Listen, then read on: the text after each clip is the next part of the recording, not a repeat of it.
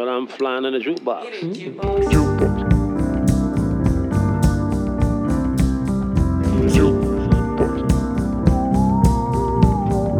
Flying jukebox. Hej och välkomna till den flygande jukeboxen, en podd av, med och för musikälskare. Jag heter Patrik Stanelius och det är superkul att vara back on air. I den här omgången avsnitt blir det lite gott och blandat. Nya bekantskaper blandat med några gamla kompisar från förr. Mer om det senare för nu vill jag rikta strålkastarljuset mot det här avsnittets gäst. Nämligen den fantastiska artisten Grant. Eller Caroline Cederlöf som hon också kallar sig ibland. Det första med Grants musik som slår en, och då menar jag verkligen knockar en, är rösten. Men det är också någonting med Caroline och hela hennes uppenbarelse när hon står på scen.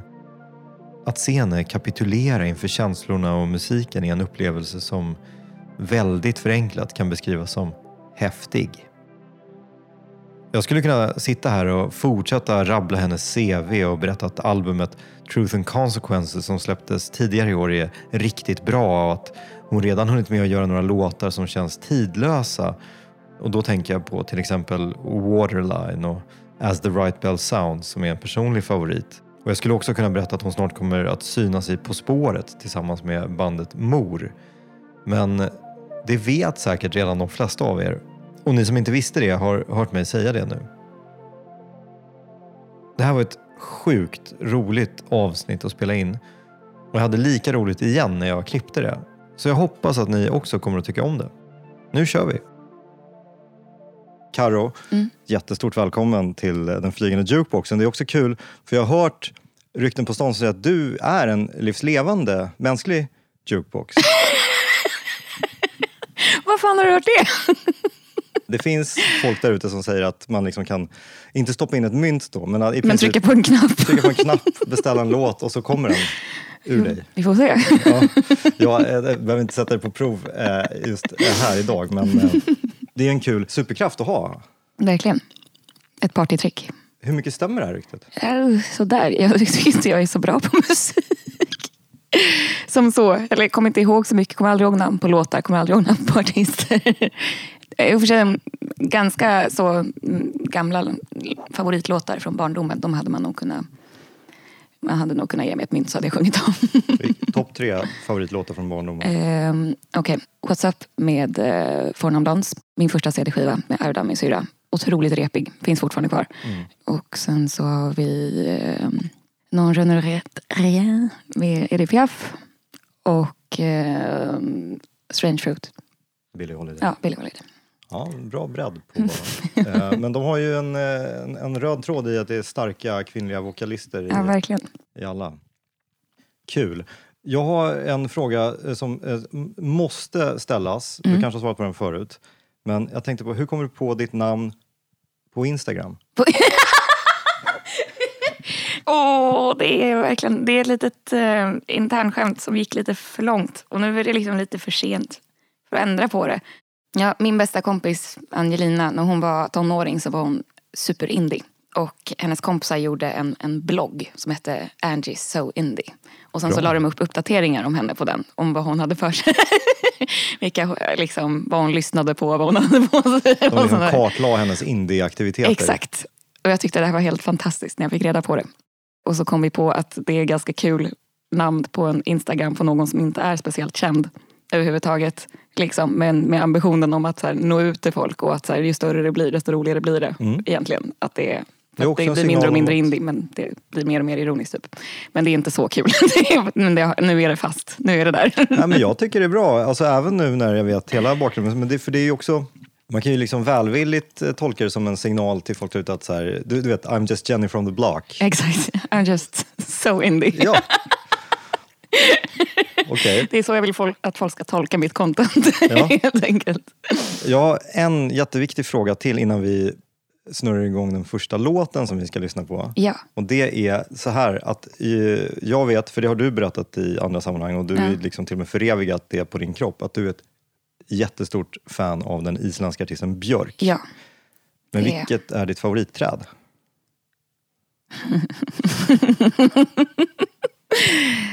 Jag är väldigt förtjust i mullbärsträd. Ja, finns på Bergianska trädgården bland annat. Exakt. kan man klafsa runt och plocka upp mullbär som fallit eh, på gräset. Ja. Eh, tips till alla där ute som vill eh, spara pengar i dessa hårda tider.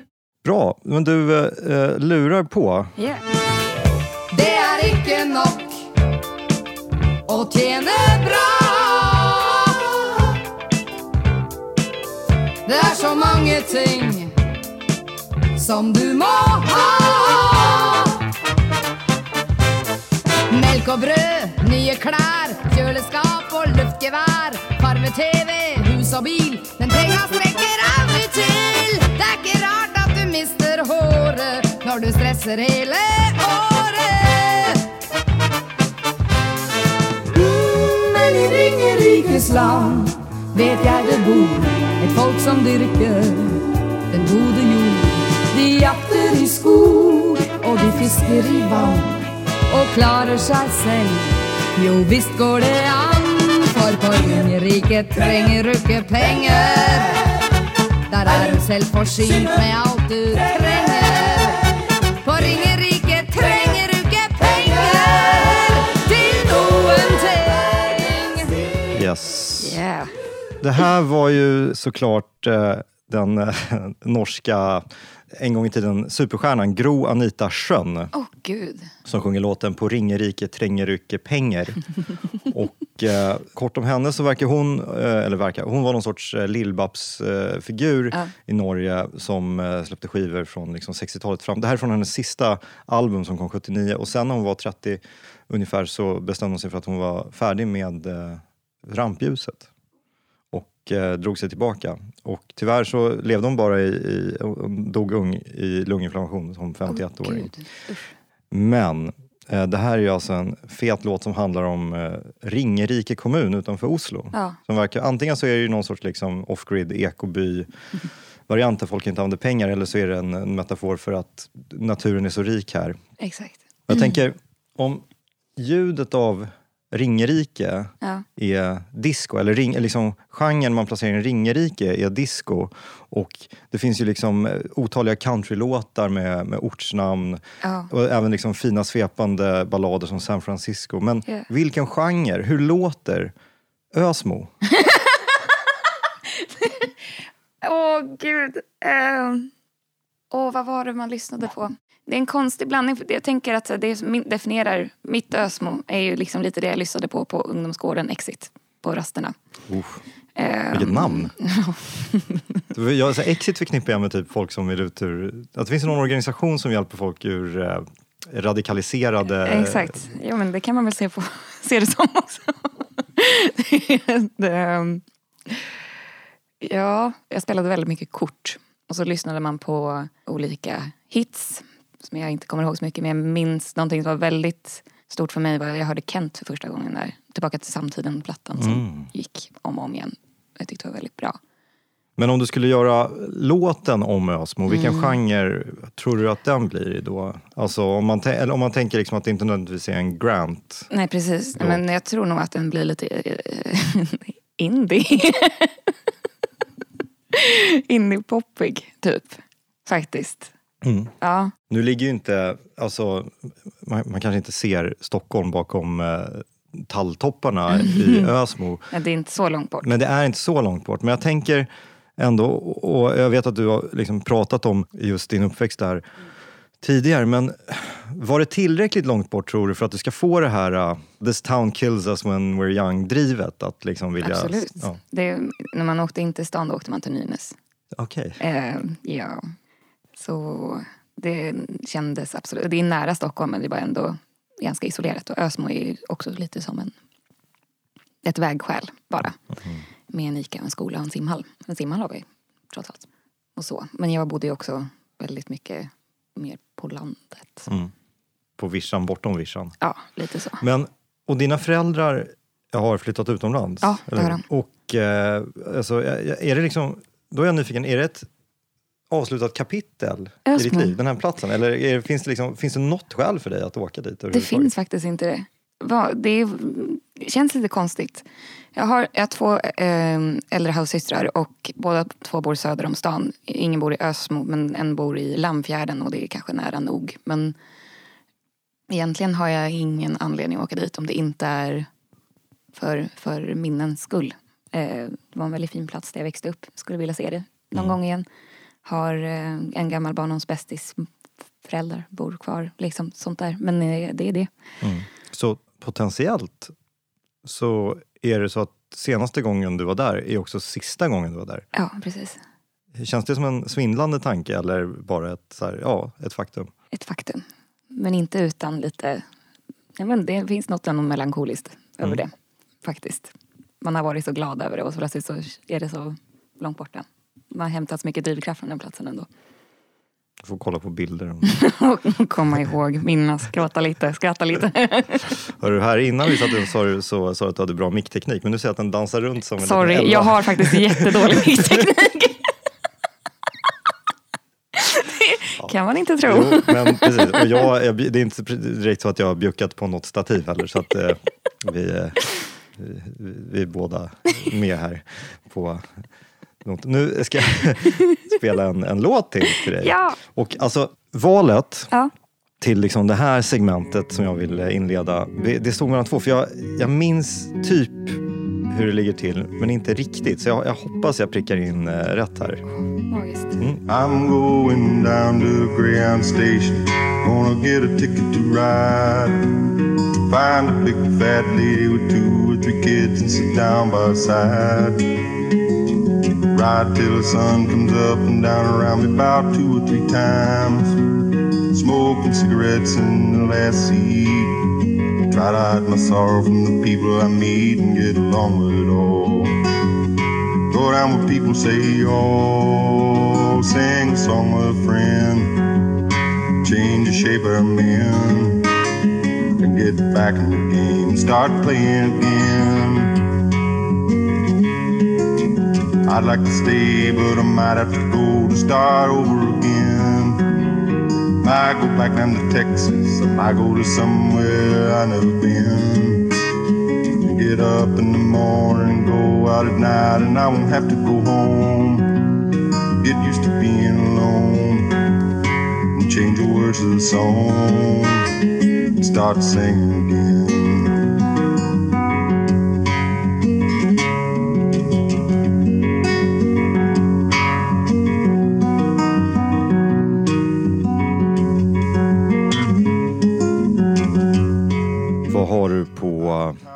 Buspojke country-legendaren Blaze Foley? Jag har inte mycket Nej. honom, ska jag erkänna. Nej, men det, det är en, en kille vars eh, liksom, livsöde var så eh, färgstarkt och eh, osannolikt och actionfyllt att det både har blivit eh, liksom, matig dokumentär och, och spelfilm Oj. i regi av Ethan Hawke. Men, men oh, ja. ja. Men han eh, dog ung också, eh, precis som eh, Gro Anita Schön. Men det här är liksom, till skillnad från henne så var det här en snubbe som i princip kunde säga Vänta, jag ska bara gå in och hämta en grej in på den här salonen. Och sen två sekunder senare så börjar stället brinna och han kommer springande. Och de bara, vad har du gjort Blaze? "Nej, Jag skulle bara hämta en grej. eh, och eh, hade maximal otur när hans musik skulle bli utgiven. Eh, hans liksom, mastertaperna till hans första skiva blev beslagtagna av eh, DEA, alltså narkotikaroten, federala amerikanska polisen. Som, för att producenten som ansvarade för inspelningen var misstänkt för något eh, dåligt. Ja. Jag tror att en vän till Blaze Foley hittade ett par inspelningar i hans bil långt efter att han hade dött. Så liksom mycket av musiken som spelar in är utgiven eh, postumt. Och det här är en kille som var så stökig att till och med liksom gamla countryrävar som Guy Clark och Towns Ja. Van Sant sa wow. Håller borta. Ja, men det är lite för mycket just nu. grabbar. Vad är det du vill säga om mig egentligen med den här historien? Låten vi lyssnar på heter Clay Pigeons. ja. Och... Okej. Ska, ska, ska, vi, eh, ska vi berätta för lyssnarna varför det var kul? Det... ehm, Ja, jag är fan en hejare på Skjuta Lederbor. Mm, det ska jag erkänna. Och Det som jag inte var säker på var, för vi vi snackat eh, en gång tidigare och då, eh, liksom det jag minns var så här, eh, Karo hanterar vapen. Ja. Om detta råder inget tvivel. Men skjuter de på levande varelser eller på ting? Kanske lite både och. Det är bara, det är bara lerduvor om jag får chansen. Okej, berätta Mm. lite. Alltså för det, jag har aldrig skjutit lerduvor. Vad, liksom, på film så Yes. verkar man alltid skjuta med typ så här dubbelpipigt hagelgevär. Ja, precis. Är det det man gör? Ja, det är det man gör. Det är ju liksom det råaste vapnet. Ja, men det, är, det är grovt, men det är väldigt eh, mäktigt och kul faktiskt. Man blir ju, det är väldigt, man blir fokuserad helt enkelt. Det, är- man håller i någonting som är livsfarligt också, det är man väl medveten om. Det är ju lite panik men också spännande på något vis. Hur gammal var du när du sköt för första gången? Oj. ehm, Det är preskriberat om det var för ungt. Så att, eh, nu ska vi se här, jag var tio okej. kanske. Och då var geväret typ lika långt som Exakt, dig själv. precis. I Torsby, hos mormor och morfar. Men lerduvor, det är väl liksom inte någonting som folk bara har hemma? En Nej. här- Nej, alltså vissa har ju faktiskt den utrustningen om man känner rätt människor. Ja, ja. Eh, så är det ju. Eh, men det finns ju skjutbanor Mm. Runt omkring i Sverige, Stockholm. Hur ofta pangar du nu för tiden? Nu är det väldigt sällan, nu var det faktiskt länge sedan. Men jag, jag är, har varit på min syster på sistone och eh, hon, hon har tävlat en del. Okej. Hon blev väldigt inbiten. Eh, För det är OS-sport också? Alltså det är dubbeltrapp. Jag tror det, ja. Jag tror att hon, hon har liksom varit ändå utomlands och tävlat och hållit på. Väldigt spännande. Men jag har också pratat med, med eh, Pontus Wimberg, Amazon, om det här. För att han har varit intresserad av att han skulle skaffa en eh, jägarlicens, eller vapenlicens. Och eh, att vi skulle då åka ut och eh, skjuta lerduvor. Så det här är också en, eh, en, eh, ja, en uppmaning, publik uppmaning till Pontus att ta tag i saken. Ja. Han kanske lyssnar. Ja. Ja, det var faktiskt min nästa fråga. Hur stor överlappning anser du att det är mellan musikscenen och lerduvescenen? Som då Den är väldigt, väldigt liten. Jag tycker det är ett under att jag har mött en människa. Det är lite pinsamt att ta upp nästan. Att man är så... Varför det? Ja, i och för sig, det är ju rätt coolt alltså.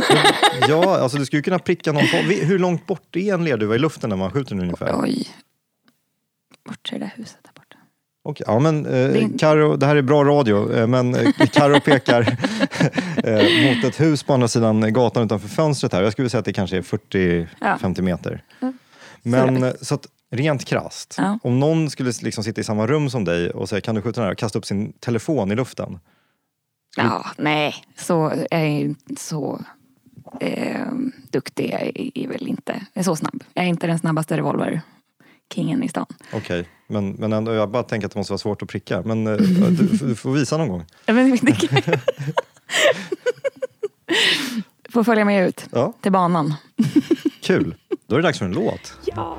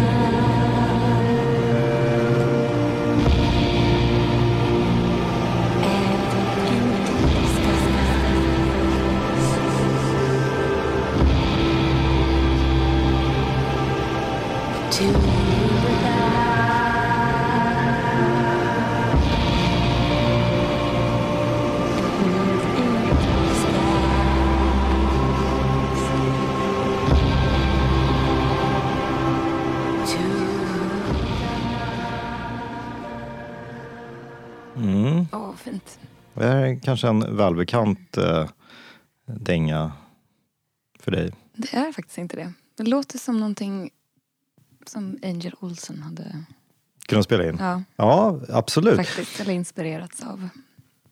Ja, Mm. eh, och, eh, och det är inte omöjligt att ner. Det här är en, en låt som heter The first time ever I saw your face. Eh, Den mest kända versionen kanske är Roberta Flacks inspelning Ah. från eh, tidigt 70-tal. Ja, Eh, den är skriven av en eh, brittisk singer-songwriter som heter Ewan McCall. okej. Som, också skrev Dirty Old Town som The Mm. Pogues gjorde.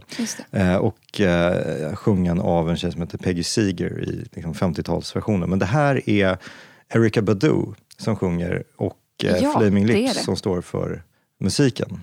Herregud, den borde jag ha tagit. Vet inte. Men, men kanske inte för att det här är från ett album som eh, Flaming Lips gjorde för tio år sedan. Ja. Som heter Heady Friends. Där de eh, gjorde artistsamarbeten med eh, alltså Neon Indian, Ja. Kesha, Chris Martin från Coldplay Ja. och då Erykah Badu. Och någonstans under den här processen så skar det sig rejält eh, mellan framförallt eh, Wayne Coyne, eh, eh, det, det fina ordet, frontmannen, och Erykah Badu. Mest på grund av att de, de spelade in en video till den här. Ja. Och han ville att hon skulle ligga naken i ett badkar fyllt med massa gegga och guck och gojs och Yeah. röror. Och hon sa att hon vägrade ligga topless. Eh, och då, och, eh, det det här, att det här är känt är för att hon gick ut med ett ganska fränt uttalande efteråt för att liksom, eh, ge sin sida av historien. Men eh, han ska då ha sagt typ så här, men det är för konsten, jag gör det för konsten. Ja, och, det eh, visste jag. Mm.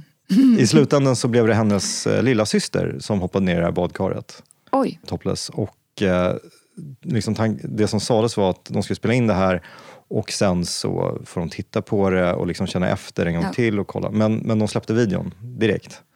Mm.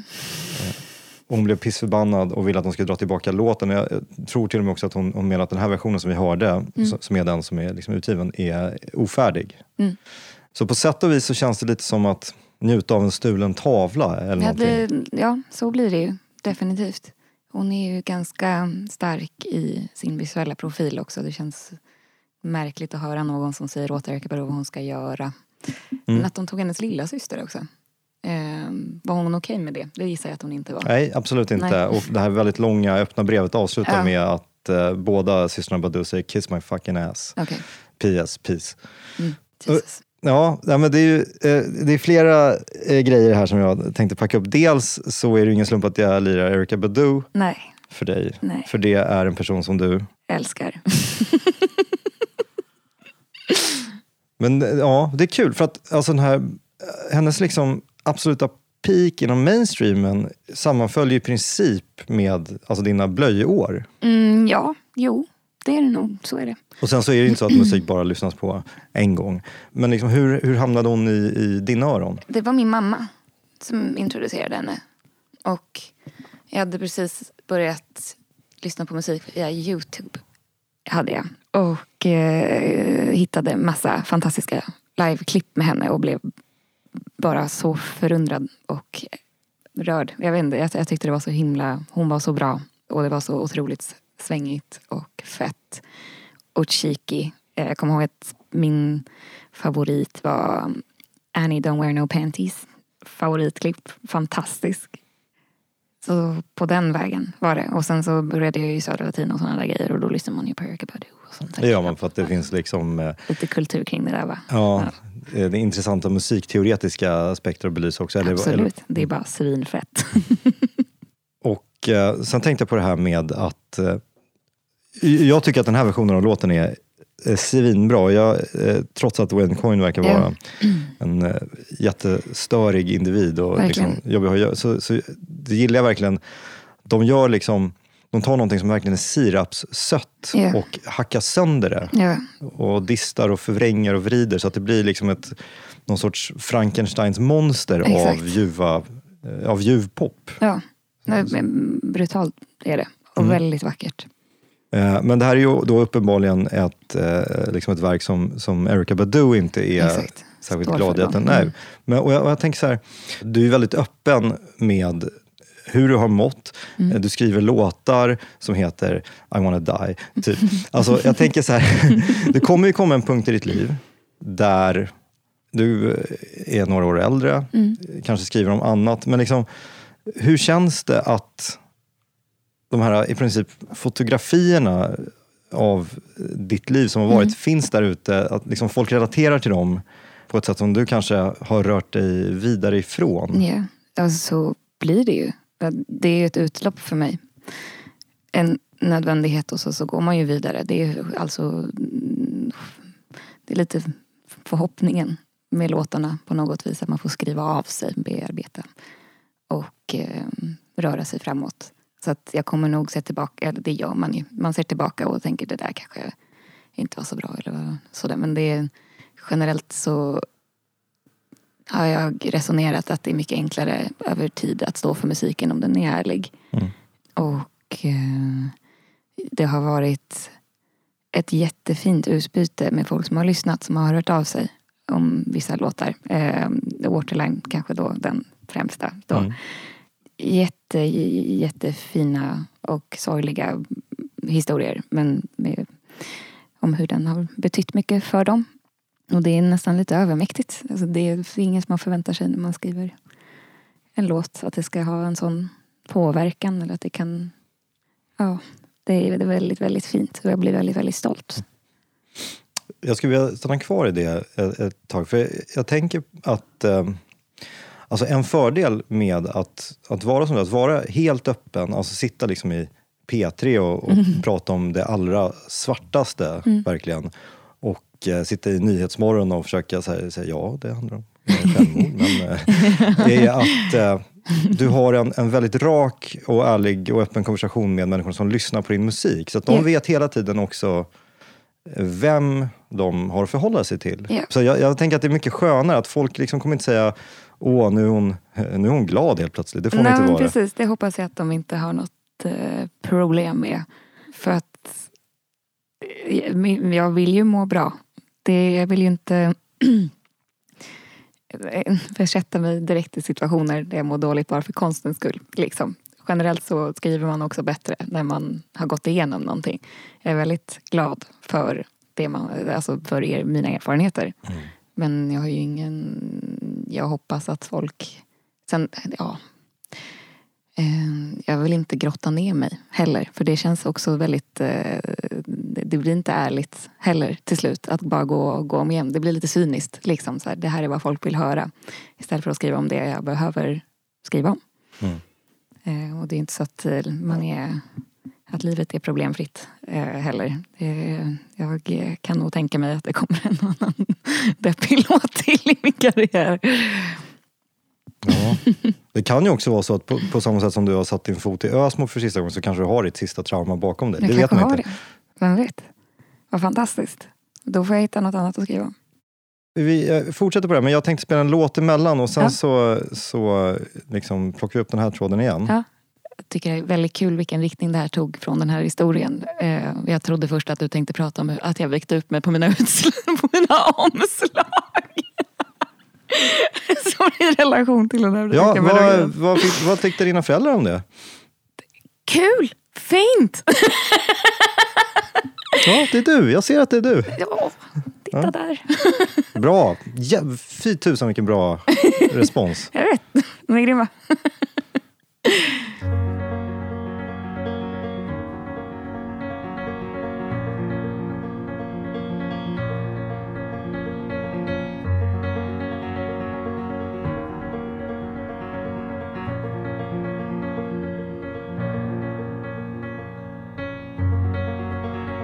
I'm alone in a box of stone.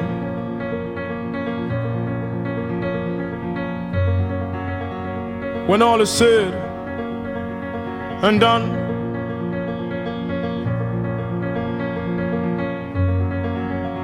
as the wind blows to the east from the west. Onto this bed, my tears have their solemn rest. I'm lonely, alone in a box of stone. They claim to love me, but they're lying. I've been lonely alone in the box of my own. And this is a place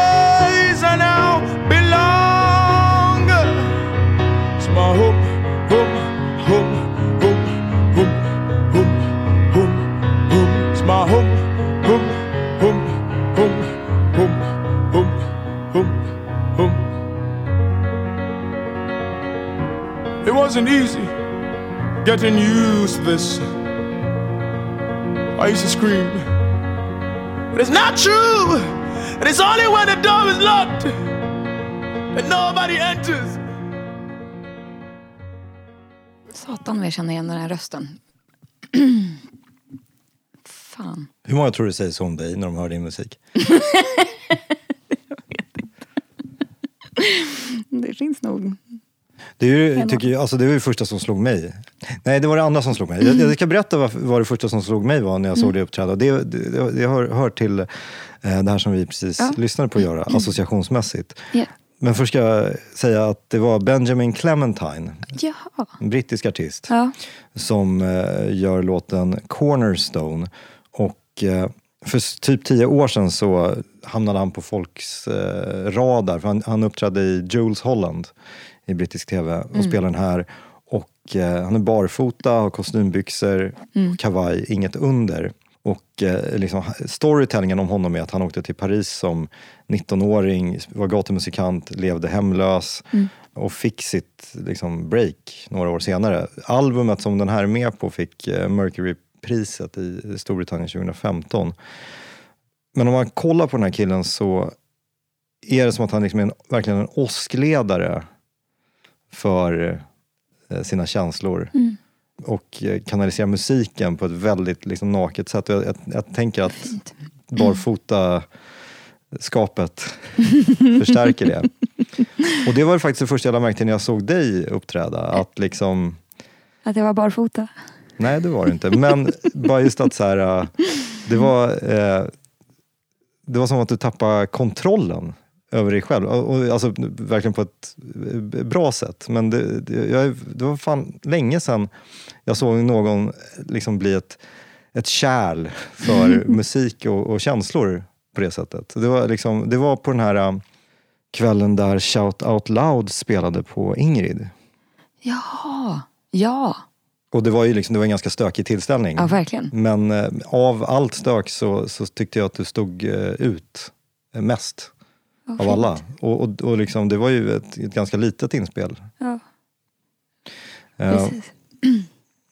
Vad kul. hur känns det när du står där framme vid mixstativet? Jag brukar säga att det känns som att man ska ut i krig. För att man blir så, det är så skarpt läge på något vis. Mm. Därför jag älskar att vara live. Och jag är en ganska slarvig är ganska slarvig i studio. Liksom. Det är någonting med det här med att man kan ta om saker. Det blir inte samma, det bränner inte till på samma sätt. Jag får lura mig själv då, liksom in i det. Jag känner för musiken. Alltså det, det är inte det att jag har svårt att hitta in som så. Men det är ändå en, en skarpare udd. Mm. Mm. Men det känns, jag får intrycket när jag lyssnar på Truth and Consequences, Mm. som jag tycker är en väldigt bra skiva. Det är kul också att ni har så mycket Alltså, det finns liksom en eh, eh, disco aerobics-dänga. Ja. Eh, Gatson, det finns eh, liksom ganska så sval, nästan Lisa Stansfield-aktig eh, 90s-influerad Mm. pop. Eh, jag tänker på What's a woman to you. Ja. Det är liksom mega gospel med eh, alltså Ride or Die. Ja. Det, det känns som att du ändå attackerar micken på många olika sätt. Jag kan Ja. nästan se framför mig hur ni eller hur, hur liksom testar olika vinklar. Du här, hänger upp och ner i knävecken. och det känner, jag känner att jag får lite vatten på min kvarn här när du berättar att eh, du måste liksom ägga på dig själv i studion. Ja, men det, det måste jag faktiskt. Eh, för, för live blir det som sagt, det, det är någonting annat. Då skärper jag mig. Och det är också, det är någonting jag tänker att jag ska jobba med framöver också. Att repa låtar mer innan jag går in i en studio och eh, utnyttja mina musiker och liksom försöka skapa livesettingen. Liksom gå tillbaka till den typen av, av inspelningsmetod. Just för att jag tror att jag gör mig som bäst där. Men det har också varit, alltså det, det är ju svinkul också att spela in. Eh, det är alltid nästan, ja, jag spelar nog in sången bara en gång liksom. Jaha. Eh, har gjort om någon gång. First take, last take. Eh, Ja, det är inga, det är inga one takes men det är definitivt eh, det är ett tillfälle. Det är det Okej. oftast. Så. Och då känner man ju inte låten riktigt än. Det är, man lär ju känna den ju mer man spelar den. Och vilka av dina, alltså vilka av låtarna från In Bloom har blivit dina nya bästa vänner? Skulle du säga? Det, alltså, och då är det eh, Karos Precis, första album vi, pratar om. Jag tror en låt som jag tyckte var så fruktansvärt jobbig att spela in i studio var Catherine in the Rye och den är den jag tycker är kanske roligast att sjunga live eh, faktiskt. Sen Waterline såklart, den är fortfarande, den kommer, jag går inte att tröttna på att sjunga den faktiskt. Eh, mm, de är jag väldigt förtjust i.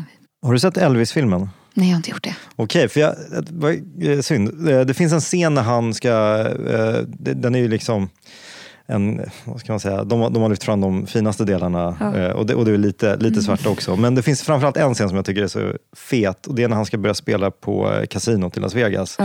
Han har fått liksom obegränsad budget och han drar ihop ett liksom, 23 människoband och, och då ska de repa in en låt och han liksom går runt på scenen och så här, eh, trummisen, du lägger här en kompet, blåset, eh, körtjejer, ni gör så här, gitarristen spelar lite eh, och sen så går han runt och så här, liksom en shaman och bara frammanar musiken ur alla och så trummar de igång där och sen så börjar han köra. Ja. Hur mycket Elvis eh, Är jag? är du? För jag tänker på, eh, man, alltså, du liksom slår ju av eh, trummor och sådär. Ja, nej men det sitter ju i... Jag, jag vet inte om jag är så... Jag, jag kanske är lite så i studio. Men eh, på rep och sånt där brukar jag låta folk få hitta lite själva. Och sen så... Jag vet inte. Mm. Man, jag känner mig ganska samspelt. Jag behöver inte ge så mycket direktiv. Nej. Och det är ganska nice. Eh, att det liksom, ja, men det blir så naturligt sen till scenen. Att det sitter i kroppen så pass väl att jag kan spontant liksom slå ut trummor och hålla på. Eh, men det där är, det där om man ska faktiskt dra en parallell till Erykah Badu. Det var det jag tyckte var det absolut mäktigaste när jag såg henne senast på Way Out West. Att hon styrde eh, sina musiker med järnhand. Alltså, var inte på ett, eh, ett diktatoriskt sätt som så, men det var att hon skapade i stunden. Mm. Och det var så fruktansvärt mäktigt att så, hon ändrade arrangemangen på scen. Liksom, ta bort det här nu, du kommer in här. Och så att, det, att se det, det var... Jag, jag, jag saknar självförtroende för något liknande tror jag, men, men helt fantastiskt. Jag bara, jag grät. Häftigt. ja, Hon är, hon är liksom Urkraft. producent med sitt osynliga mixerbord Ja, exakt. i stunden. I stunden. Och att få se det, det kändes så... Ja, eh, ja det var otroligt mäktigt.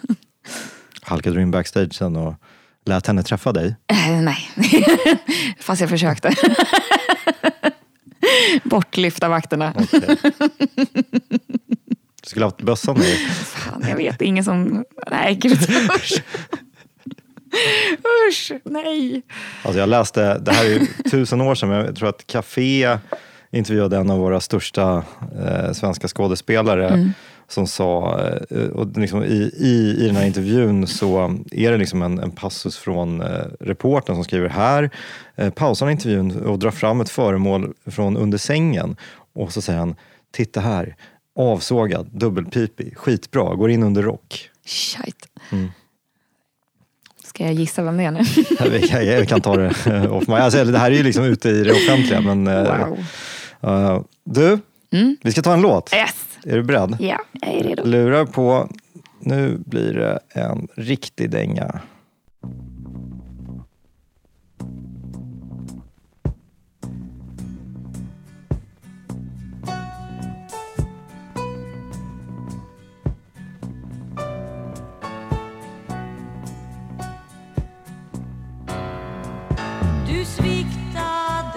På stigen som i överlägsen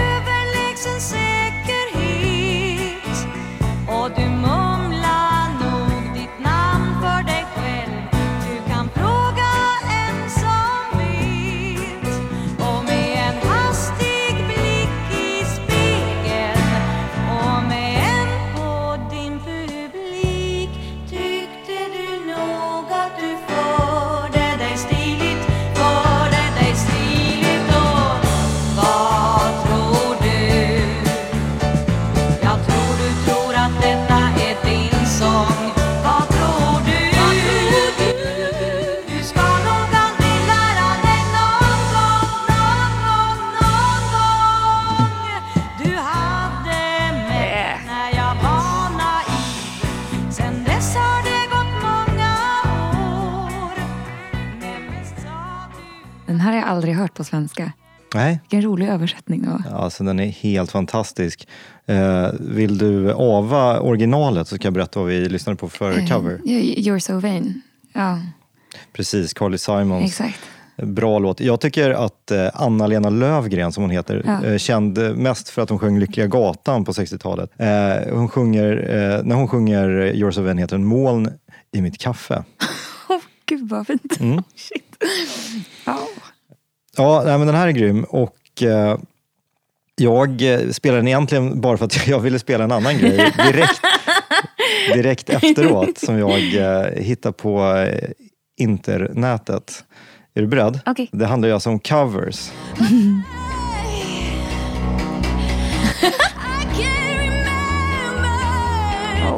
Det här är så fett.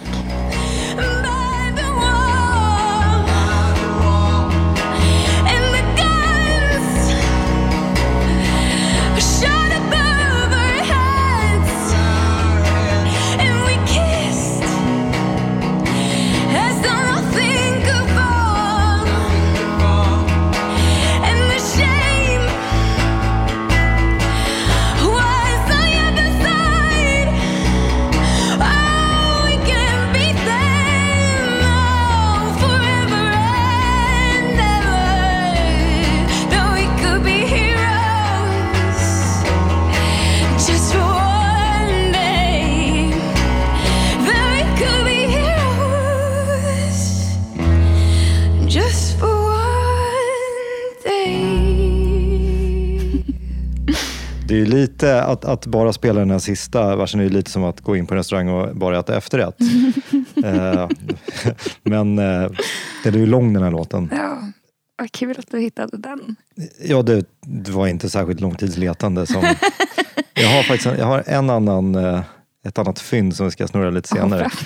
som, som känns lite mer deep. Men eh, Karo, Ja. varsågod. Vad lyssnade vi på? Eh, det där var min tolkning av Heroes. David Bowie eh, var det. Mm. Och eh, för övertydlighetens skull så har du ju också musiker med dig här i radiostudion. ja, ja, ja. Det är Peter Kvint som jag har också skrivit i princip allt med. Och eh, Gabriel von Essen som är med i mitt band. Mm, på gitarr och På bas, bas. Ja, respektive. precis. Hur, eh, alltså, i, I vilket sammanhang var det ni eh, gjorde det här? Eh, vi skulle fira hans födelsedag. Eh, Bowies. Ja, tjena, det är Grant här. Min basist fyller år. Är det lugnt om vi kommer förbi och drar en Bowie-cover?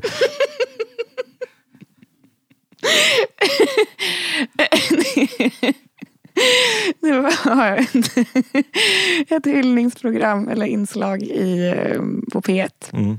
Ja, det var i vintras. Eh, exakt. Okej, det är ja, så färskt. Så det, det är riktigt färskt där. Okej, och de, de hörde av sig till dig och sa eh, Hej Caroline med rösten. Kan Ja. du... Tolka en låt som du Ja. gillar av Bowie. Ja, och varför föll valet på Heroes? Alltså, jag, menar, jag, jag kan förstå varför, men du, eh, det kanske finns en hemlig anledning. Eh, det, nej, det, finns, det finns inga hemligheter här. Eh, det är en av mina favoriter. Och eh, Life on Mars hade jag inte gjort bra. Och liksom, om man ska ta en låt som folk känner till, liksom, men som jag trodde att jag kunde göra till min egen, Mm. Förhoppningsvis, eh, så var det, kändes det självklart med denna. Mm. Jag var hemma hos en vän igår som är eh, liksom, musikfinsmakare och han har eh, ordnat sin skivhylla efter minimal elektronisk musik, Ja. mellanmaxad elektronisk musik, övrig elektronisk musik och sen så har han en liten hylla med pappamusik. Som. Yeah. Och där kan man ju kanske gissa eh, var, vad för sorts eh, artister och album som hamnar där. Jag- Man ska ju sortera in. Eh, Bowie där. Hur, eh, alltså, hur förhåller du dig till alla de här mysiga gubbarna? Alltså jag har ju, jag, jag gillar ju de mysiga gubbarna. Eh, det gör jag, verkligen.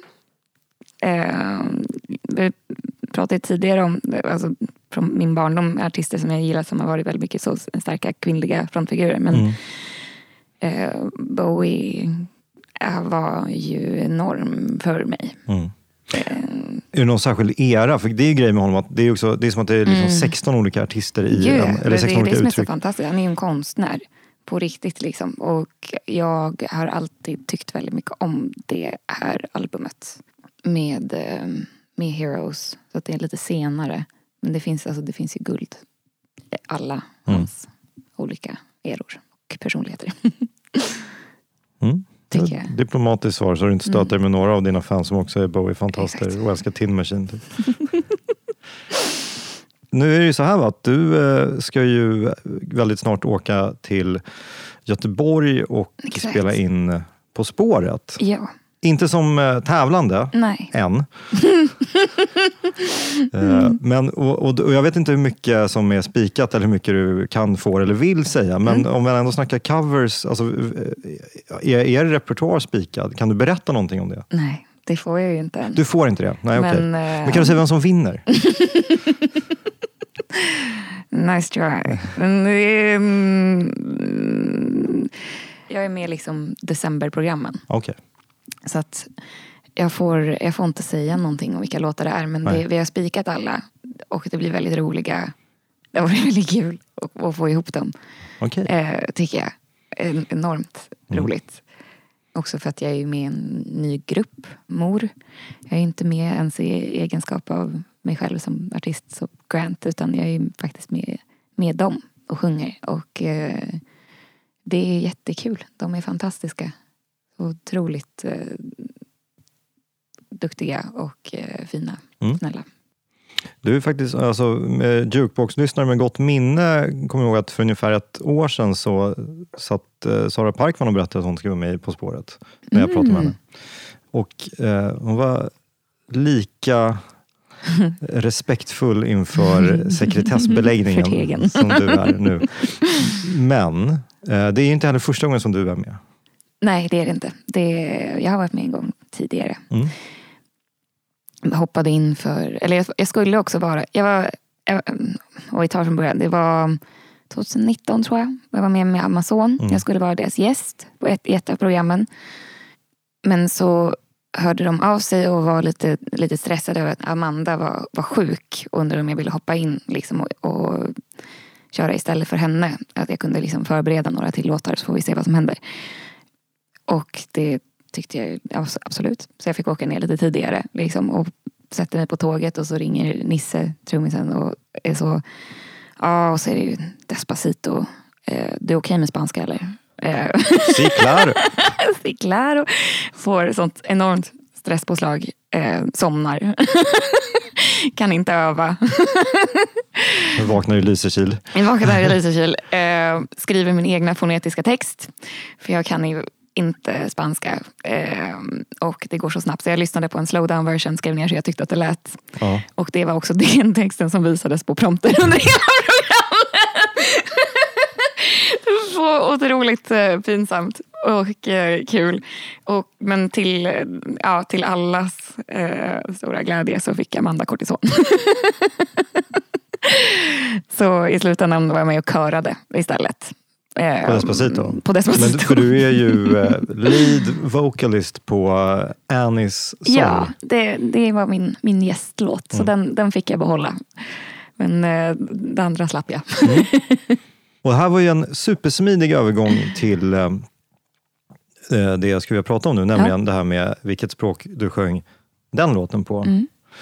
Alltså, hur ofta uppstår den här frågan, eh, borde du inte sjunga på svenska? Eller har du, har du funderat på att sjunga på svenska? Det händer då och då. Det ska jag erkänna. Mm. Några släktingar som tycker det vore kul. Mormor ville väldigt gärna att jag skulle sjunga på Okej. svenska. Men jag, tänk, ja, först, jag tänkte mer liksom om det är någon som så ringer och göra ett samarbete. Du, jag har, eh, jag har ett koncept här. Eh, men mormor, alltså hennes röst väger ju supertungt. Ja, det, man lyssnar på mormor. Man ska lyssna på mormor. Mm. Det har bara hänt kanske två gånger. Och jag har ju faktiskt, och jag har ju två, två låtar på svenska Mm. nu. Som är frukten av, av de här sam- samtalen. Faktiskt. Eh, som, som vi kommer få höra i någon sorts framtid. Mm, En, en finns redan Mm. ute, eh, Segerkrans. Det är också första gången jag det är en, eh, en fantastisk artist som heter Folke Nikanor. Ehm, som hörde av sig och sa att han, han hade skrivit en låt som man tyckte vore fin om jag ville sjunga på, om jag ville skriva text och så. Och att skriva på svenska, det har jag aldrig gjort förut. Jag tycker inte om svenska språket. jag behärskar det inte i låtskrivandet. Jag tycker det är jättesvårt. Men jag kunde liksom inte inte göra det. Av den anledningen också. Att det var en så stor utmaning och man kan ju alltid testa och så får vi se vad det blir. Så jag fick sätta mig ner och skriva. Det kan, eh, vänner kan intyga att jag var, jag var riktigt mörk i sinnet den månaden när jag satt med mina svenska texter. jag tyckte det var pissjobbigt. Men eh, jag tycker låten blev jättefin. Eh, och sen så kommer det faktiskt en till låt på svenska som släpps nästa vecka. Eh, Och då kommer den vara ute när det här när det här avsnittet program, läggs upp. exakt, så det kan jag ju faktiskt säga. Mm. jag, jag gästar eh, Albin Limelda på I Så Mycket Bättre. Och eh, vi har gjort en version av Anna Ternheims eh, What Have I Done. Vad heter den på svenska då? Eh, Vad har jag gjort? jag hoppas att de gör dig glad. Okej, vad bra Eh, titel. Mm. Riktigt eh, mysig låt. Så där har jag också skrivit lite på svenska och sjungit på svenska. Liksom. Så att det, det är... Mm. Jo, Karo, Ja. du har ju faktiskt eh, minst en låt till på svenska. Har jag? Åh nej, vad har du hittat? Hur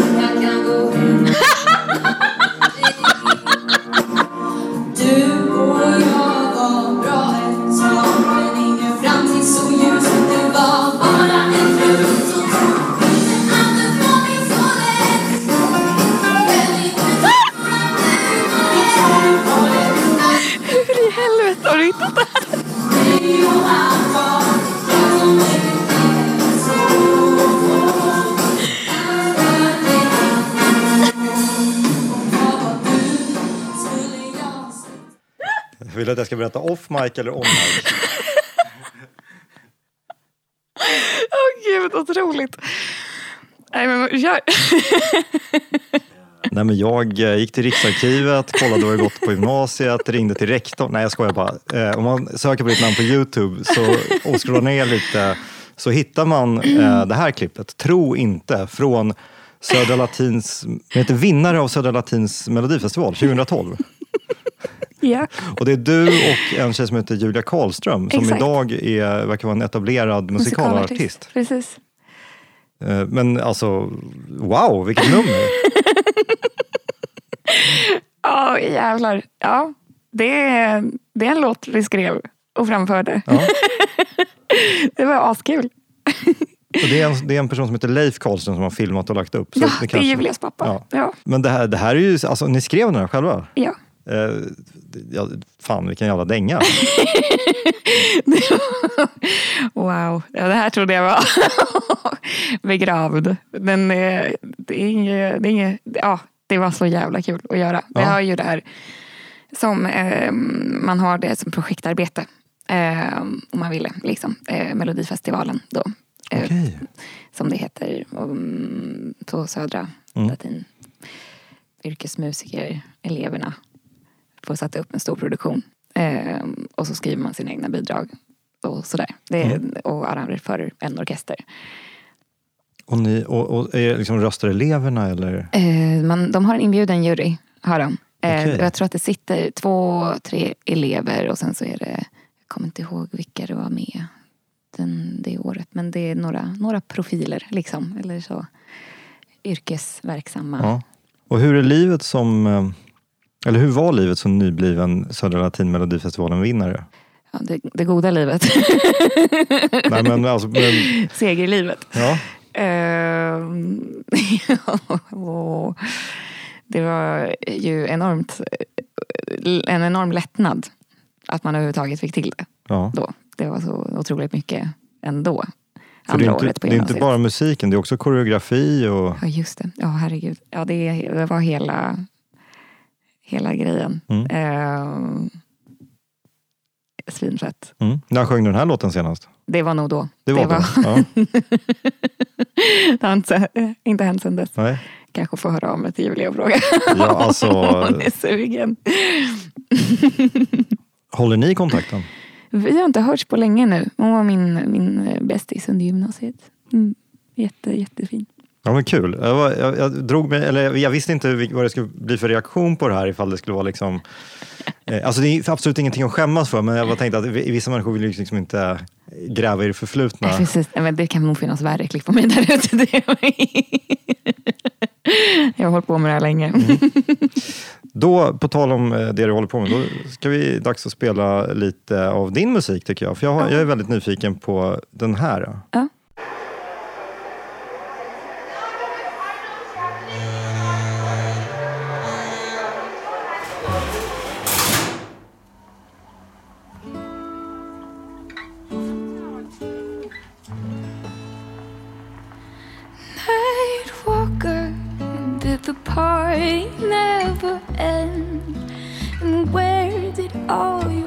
Friends go?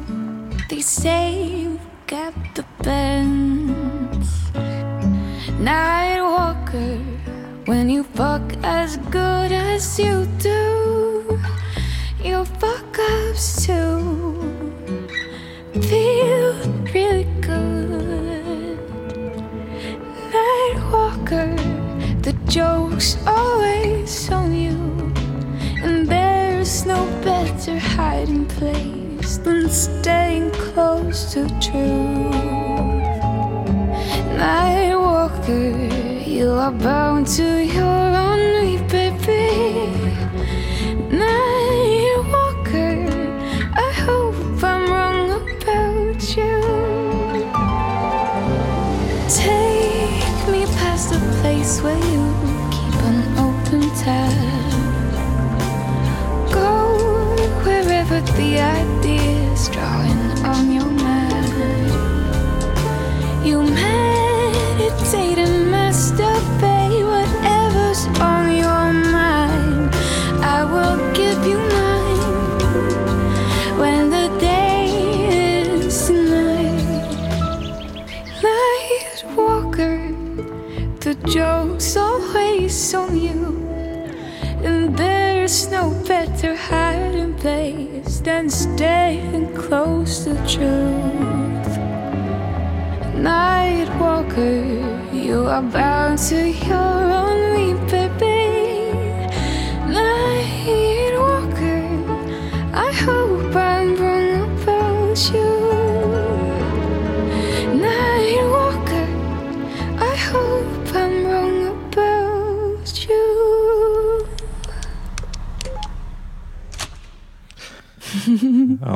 Sarah Vaughan besöker Malmskillnadsgatan.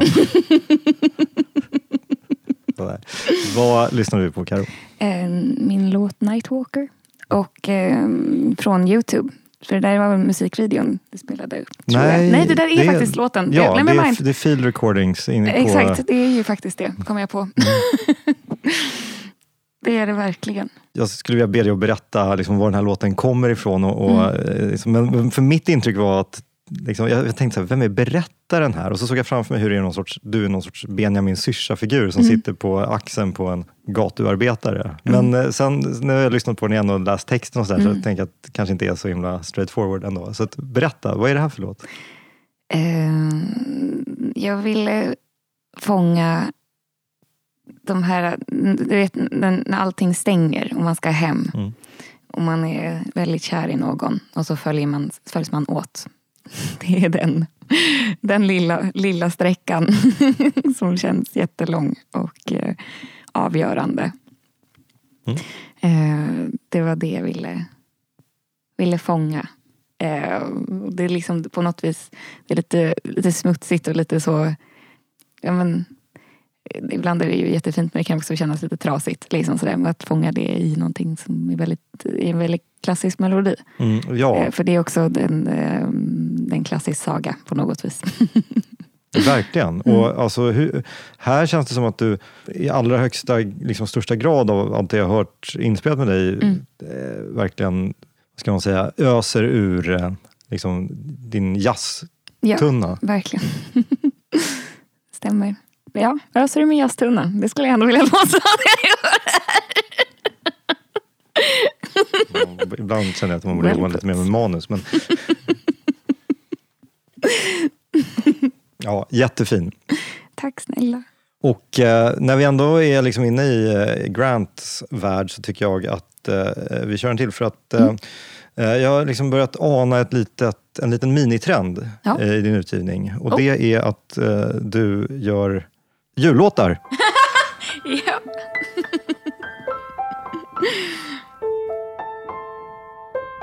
Och den här är ju så fin. Tack. Eh, Esters stora förtjänst.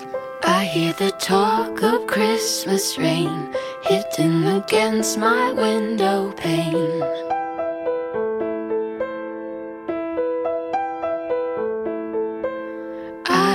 Not in the spirits quite as I would have been if I was a child.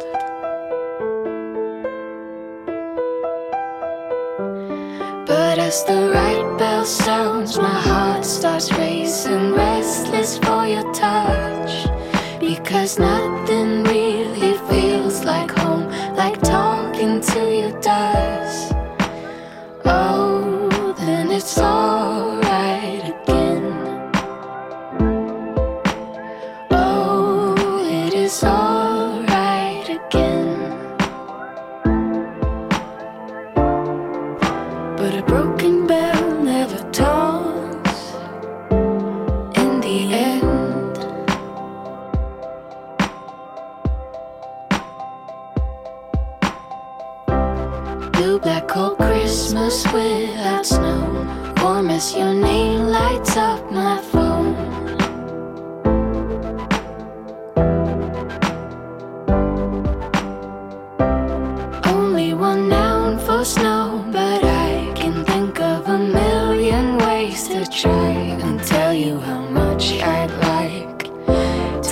in your hands at night. The right bell sounds, my heart starts racing, restless for your touch. Because nothing really feels like home, like talking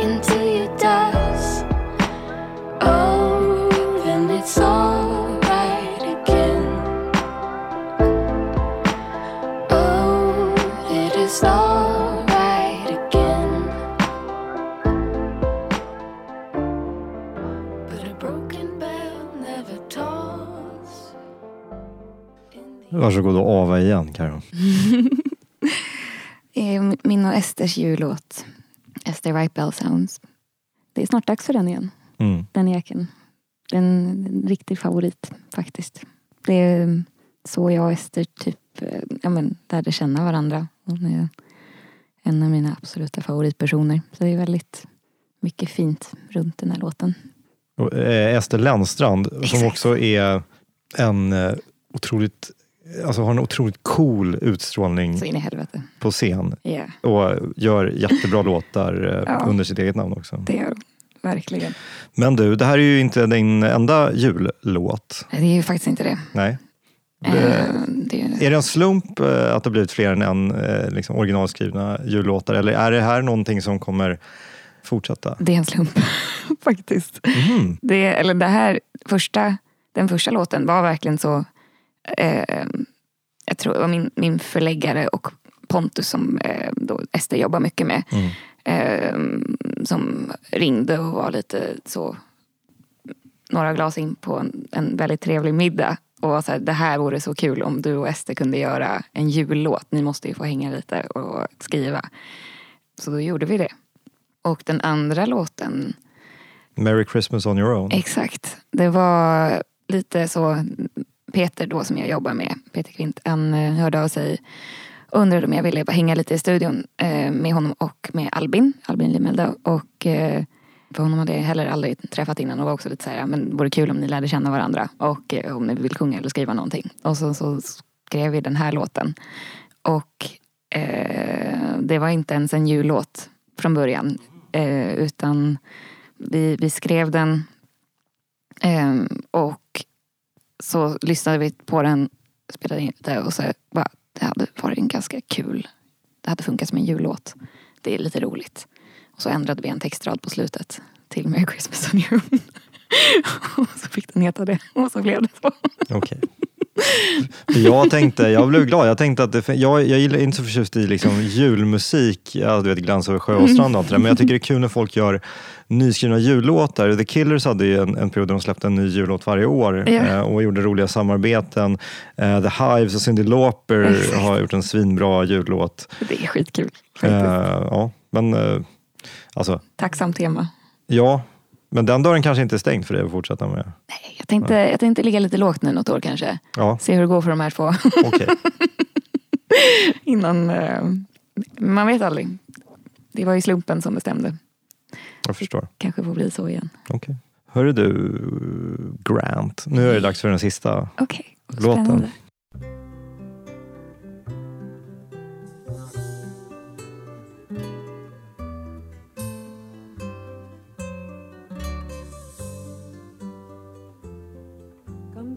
Superficial, cambia también lo profundo, cambia el modo de pensar, cambia todo en este mundo, cambia el clima con los años, cambia el pastor su rebaño, y así como todo cambia, que yo cambie no es extraño.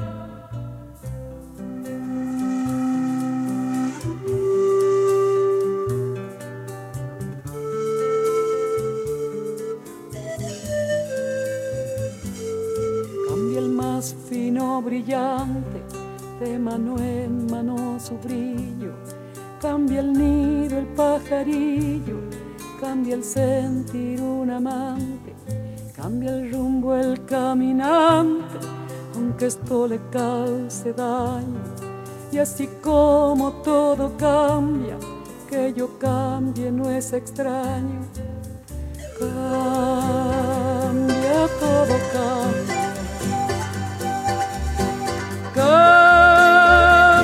Todo cambia. Todo cambia. Cambia, todo cambia.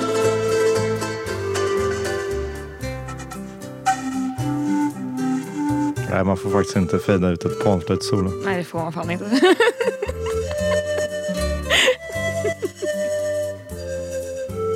sol en su carrera Wow, cuando la noche subsiste. Cambia la underbart.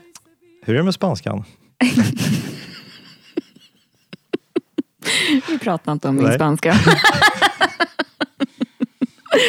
Vi hörde den argentinska artisten Mercedes Sosa sjunga Todo Cambia. Hon var en del av eh, en, eh, alltså Nueva eh, Canción-rörelsen som Okej. spreds i den spansktalande världen på 50, 60, 70-talet.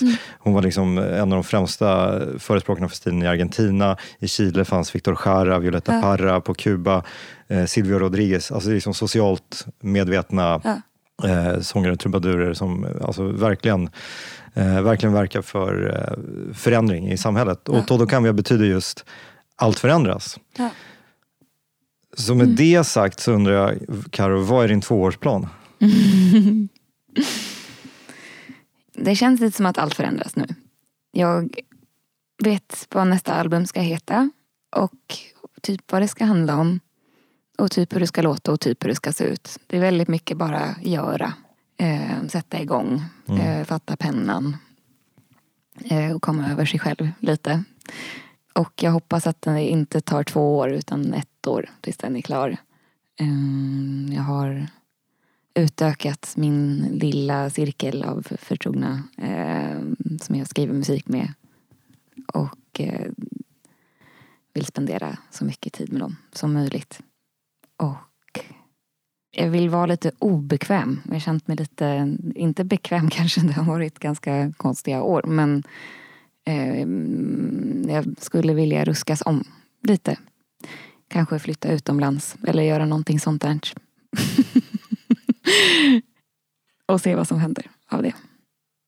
Nu är det, det är svårt att säga innan det är klart, men kan du ge någon sorts fingervisning om vilken eh, liksom, ljudvärld vi Mm. kommer hamna i? Eh, det kommer vara mycket trummor och bas, tror jag. Väldigt mycket rytm och eh, energi. Det är ett drum and bass-album. Ja, ja, det var det jag tänkte. Ja, vad kul. Häftigt. Det kanske mer, alltså, mer dansgolf, dansgolfstillvänt än Ehm, tidigare? Eller? Det är inte nödvändigtvis. Nej. Men jag vill att det ska... Jag, jag, tror, att jag har de senaste åren har jag försökt liksom utforska någon form av, av, av gråzon i känslor, känslorna och liksom försökt kanske viska lite mer eller tala ömt och nu jag klarar inte av det längre. Jag vill skrika helst. Eh, sjunga mycket och explosivt och att det ska kännas i musiken också. Jag, jag känner mig klar nu. Wow. Pendeln behövde svänga. Ja. ja, det ser jag fram emot. Det var ett bra, en bra punkt tycker jag. Bra. Tack så hemskt mycket igen. Tack själv. Jag vet att du har ett späckat schema. Och eh, ja, håll utkik efter Karo i På spåret, på stan, på skjutbanan. men kanske inte i Ösmo.